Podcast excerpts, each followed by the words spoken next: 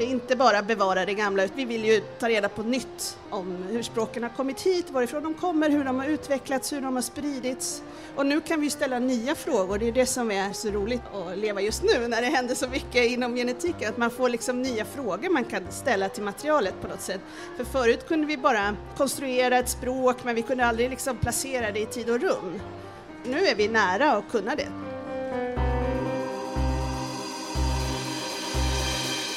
Hur kommer det sig att en språkhistoriker helt plötsligt intresserar sig för de senaste funden inom genetik? Och varför?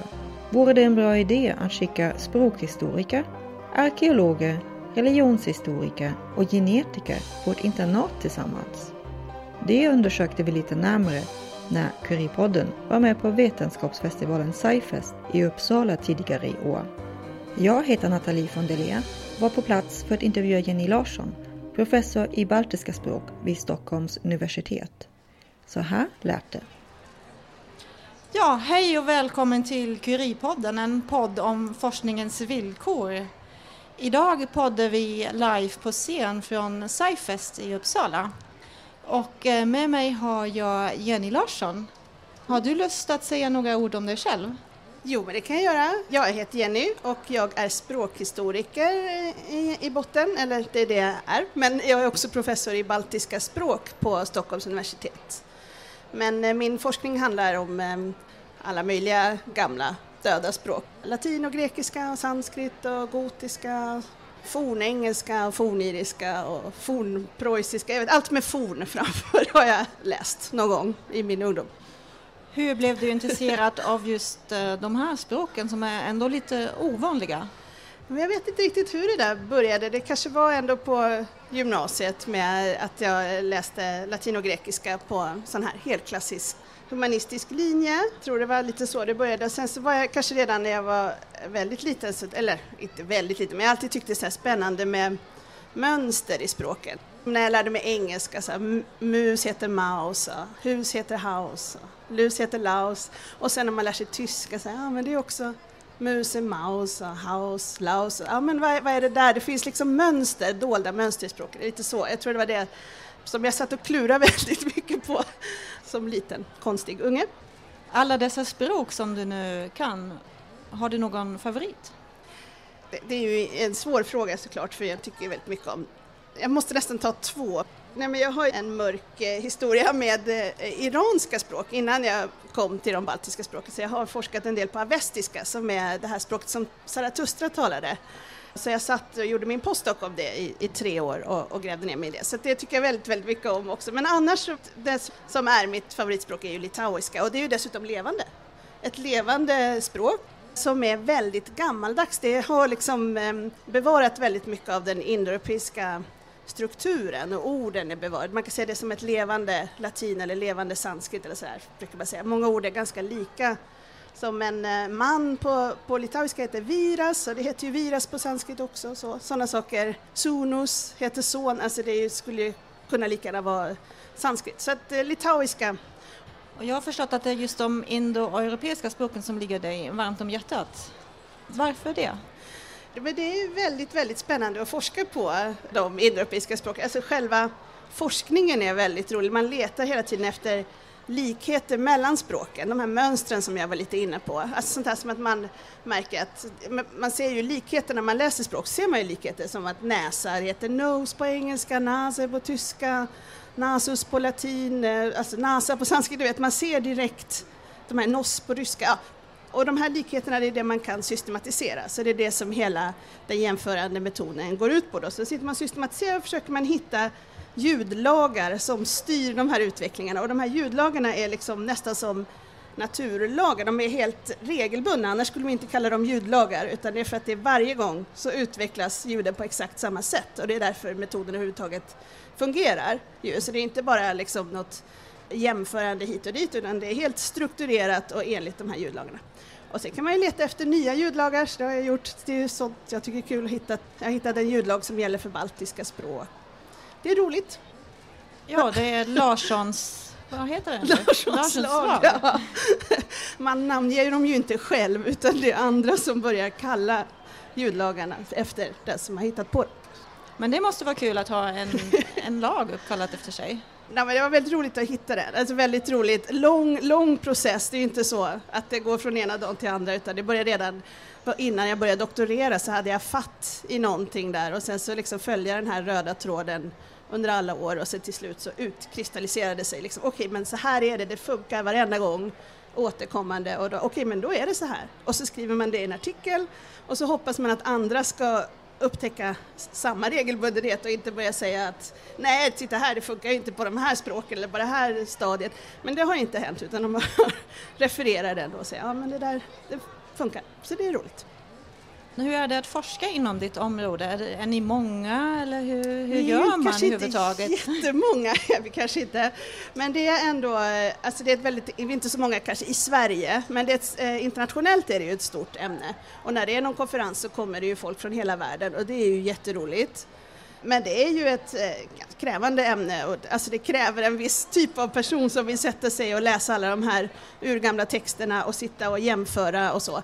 Men vi som tycker om det, vi har jätteroligt och vi tycker det är som en liksom en skattjakt, att man letar, åh det här och sen så kommer man på något, just det, samma ord finns ju faktiskt i sanskrit och, och så nystar man i de här röda trådarna. Och, vi har kul, vi är inte så många, vi har kul. Men det är inte så lätt kanske som student att hitta till ämnet eftersom det inte finns på så många ställen. Det finns här i Uppsala, det är ju bra. Men sen sitter jag till exempel på baltiska språk och då får jag studenter som liksom kanske har läst latin och grekiska och så kommer de. Jag tycker litauiska är ett, bra ställe att, att, att börja.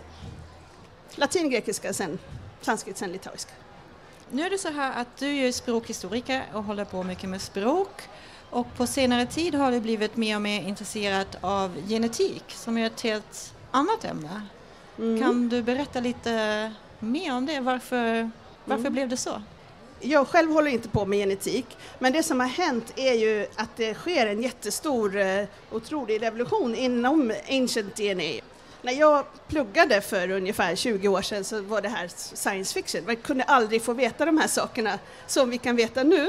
Men nu kan man alltså ta upp ben ur gamla gravar, ur arkeologiska fynd, extrahera DNA och, och liksom analysera hela genomet. Och därigenom kan man se allt möjligt om de här utdöda människorna som vi vill veta. Det har ju hänt, det, ni vet säkert det här, många har hört, men till exempel den här Birka-krigaren som var uppe här i bara för några månader sedan, halvår sedan kanske, när man eh, insåg att den här krigaren som ligger i Birka, vikingakrigaren, är en kvinna och inte en man som man annars kanske skulle ha trott sådana saker. Men också det som för mig då som har varit det stora, det är ju de här att man har tittat på folkvandringarna, förhistoriska folkvandringar. Och man kan nu med säkerhet säga att det har kommit en stor folkvandring österifrån, från de här steppområdet, ryska steppen, där omkring pontiska steppen, in i Europa. Och de är ju väldigt tippade för att vara, kunna vara talare av indoeuropeiska språk. Och innan all den här revolutionen hände så var vi inte liksom då var det väldigt svårt att knyta språket till något folk eller så, men nu när man får den här kartan, man kan liksom se, okej, okay, de har rört sig så och vissa har rört sig, det kom ju en, en migration, en tidigare migration som var jordbrukarna från början halvmånen och så, man kan liksom få en sån karta. Och det är ju också på något sätt med den här liknelsen med skattkartan, att vi får en helt ny kartbit, en helt ny dimension till hela vetenskapen. Så att det, där vill man ju vara med. Så nu händer det ju jättemycket inom det. Och så också arkeologin som är, där händer det också jättemycket nu, också i, i ljuset av den här genetiken naturligtvis. Men om man kunde försöka börja knyta indoeuropeiska språk till faktiska arkeologiska kulturer som den här snörkeramiska kulturen. Det är väl framtiden hoppas jag, så det, det är mitt drömprojekt. Men det är ju ungefär det här du vill göra, att sätta ihop lite olika discipliner om jag har förstått det rätt? Ja, alltså jag, har, jag söker ju forskningspengar för det krävs ju om man ska kunna göra något så här lite större. Vi har ett forskarteam som är liksom arkeologer, genetiker, religionshistoriker och språkvetare. tanken är då att vi ska liksom lägga ihop våra ja, vetenskaper och prata med varandra och försöka spåra språken också, försöka lägga till språken till de här folkvandringarna som vi nu ser bekräftas med det. Ja, så det är drömmen. Ja, du har sagt att du sökt pengar, men vad är det exakt som ni behöver? Liksom, vad behöver du för att kunna bygga upp det här tvärvetenskapliga som du drömmer om? Nej, men egentligen är det ju ganska enkelt, det behövs inte så mycket, men det behövs en struktur, en slags infrastruktur. För de här människorna, forskarna finns ju, alla är ju intresserade av det här. Vi behöver kunna prata med varandra. Så att det som jag har tänkt mig då är att man, vi ska sitta i olika länder, för vi kommer från olika håll och kanter, men att man då träffas regelbundet på sådana här internat och man har gemensamma konferenser, man läser varandras arbeten, man diskuterar kontinuerligt och det, det behöver inte kosta jättemycket, men just de här ja, regelbundna träffarna och att man är liksom på samma projekt och jobbar mot samma mål. Det är lite svårt att springa runt och jaga folk, och jag gör det också. Fråga, jag ringde en arkeolog alldeles nyligen och frågade om en grav här i Lidköpingsområdet som kanske kan vara tidiga indoeuropeer som har kommit till en, en stridsyxegrav. Man behöver ju ha de kontakterna, ju, formaliserade kontakter. Och då behövs det lite pengar. Så ni kan träffas och spåna tillsammans. Varför är det så viktigt att vi vet mer om det här? Det är ju en sån spännande tid just nu, det händer så mycket och vi håller ju på liksom och skapar ny kunskap om människan och om eh, människans historia och människans språk.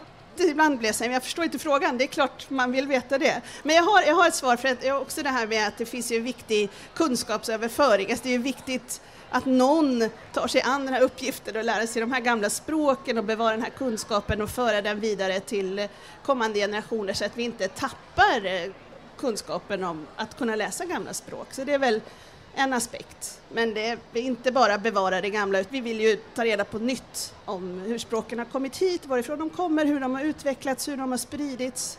Och nu kan vi ställa nya frågor, det är det som är, det är så roligt att, att leva just nu när det händer så mycket inom genetiken, att man får liksom nya frågor man kan ställa till materialet på något sätt.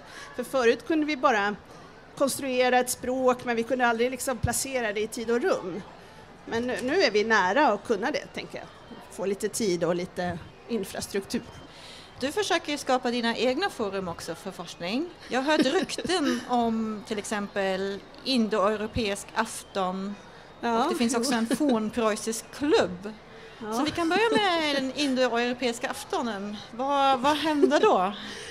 Nej men det är bara en sån här liten underground-verksamhet som, som vi har satt igång med. Men det, det finns så mycket folk som är intresserade av språkhistoria som kanske läser, de, de kanske läser indologi eller de läser latinogrekiska eller så, studenter, doktorander och forskare.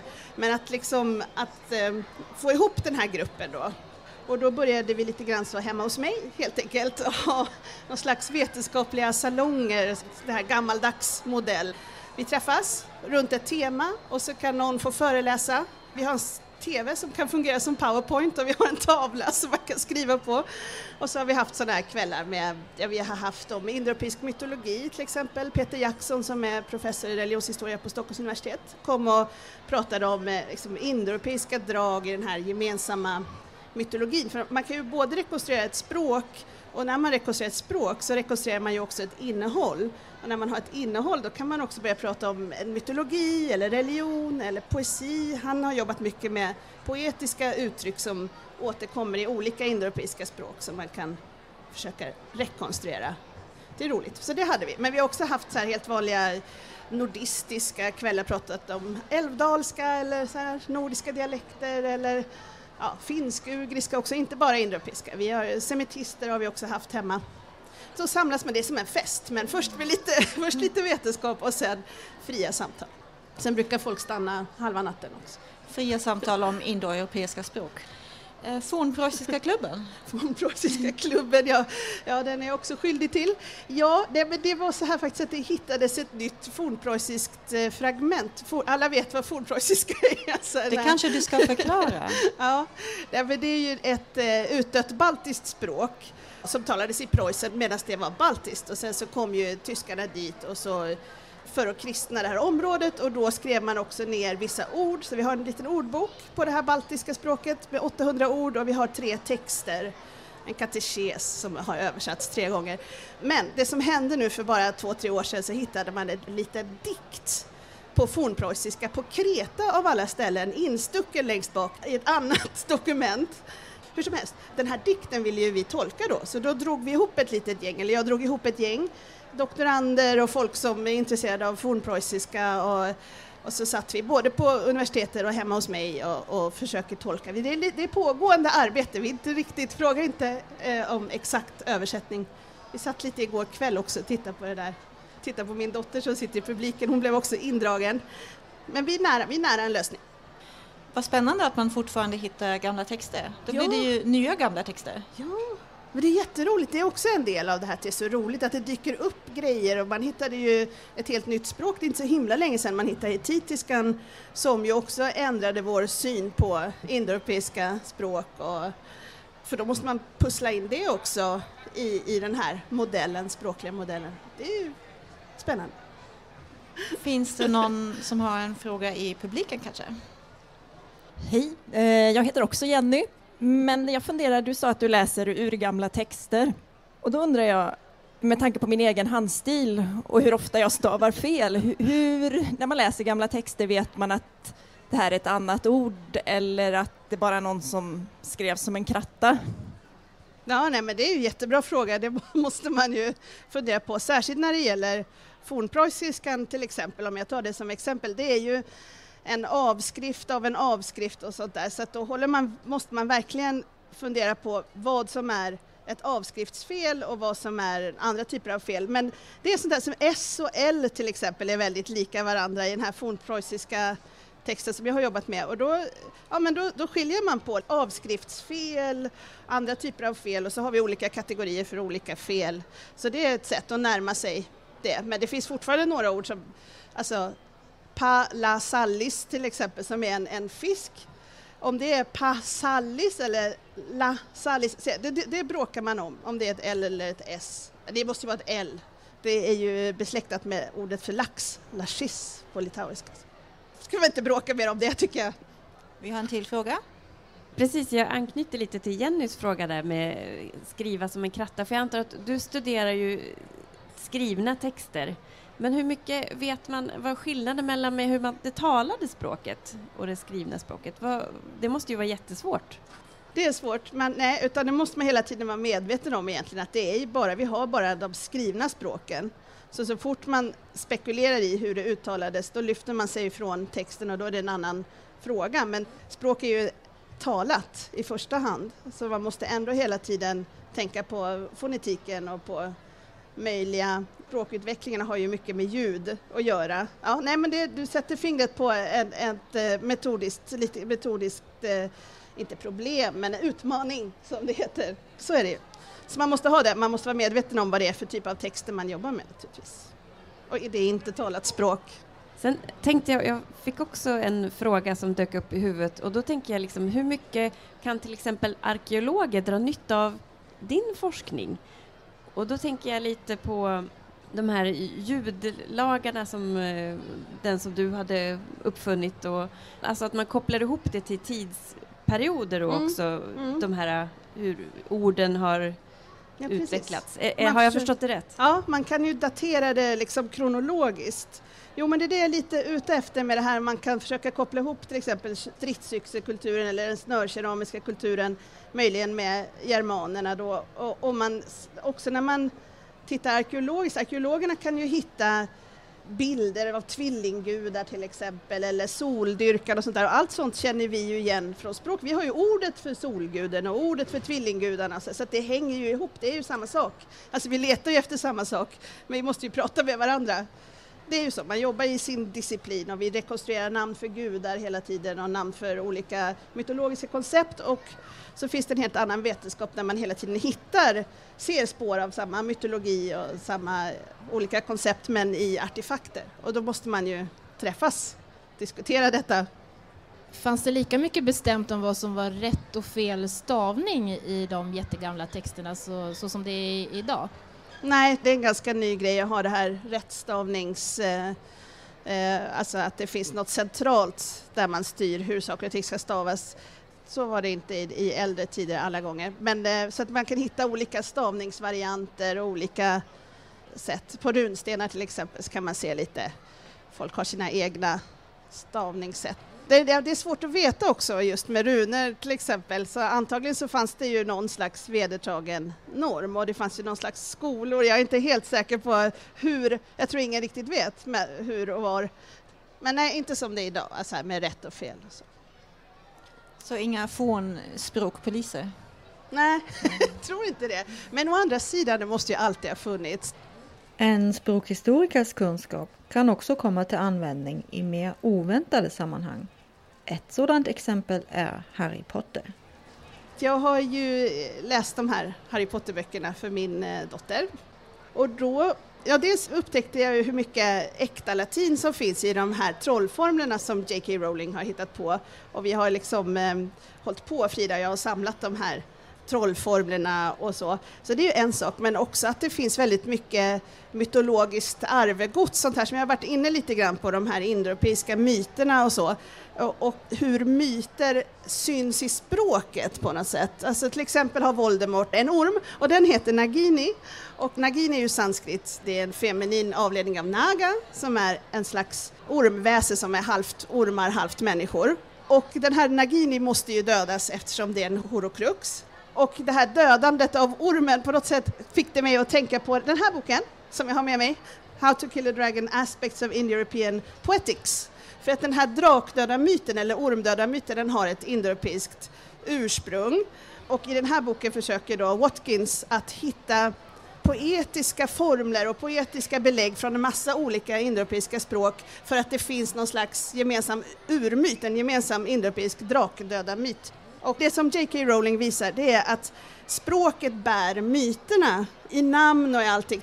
Så på något sätt så har hon smugit in en massa gamla myter, också myten om Kerberos, när den här Fluffy som har, är den här hunden som vaktar ingången till underjorden. Den är också en indoeuropeisk eh, hund. Kerberos finns nämligen också i sanskrit, där heter den Charvaras. Det är precis samma ord, Kerberos. Och har man ett ord och ett namn så kan man ju rekonstruera formen och det går ju tillbaka till Kerberos.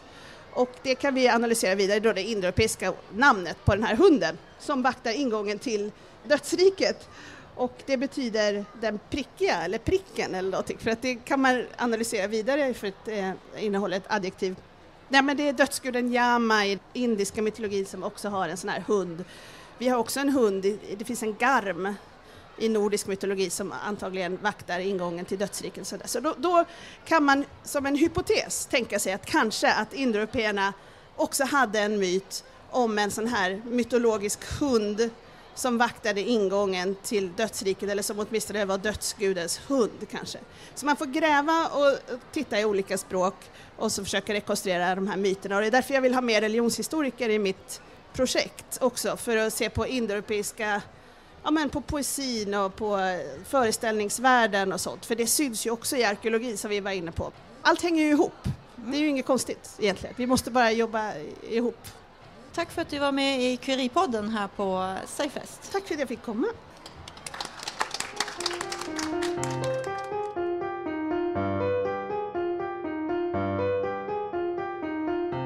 Du har lyssnat på Curie-podden, en podd om forskningens villkor. Det här avsnittet spelades in på Vetenskapsfestivalen SciFest i Uppsala. Tack för att Curie-podden fick vara med. Jenny Larsson har tidigare bloggat för tidningen Curie Titta gärna in på tidningencurie.se om du vill läsa mer. Tipsa gärna dina vänner och kollegor om Curie-podden också.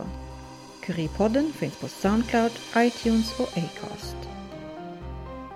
Jag som har intervjuat Jenny Larsson och redigerat det här avsnittet heter Nathalie von der Leer. Tack för att du har lyssnat!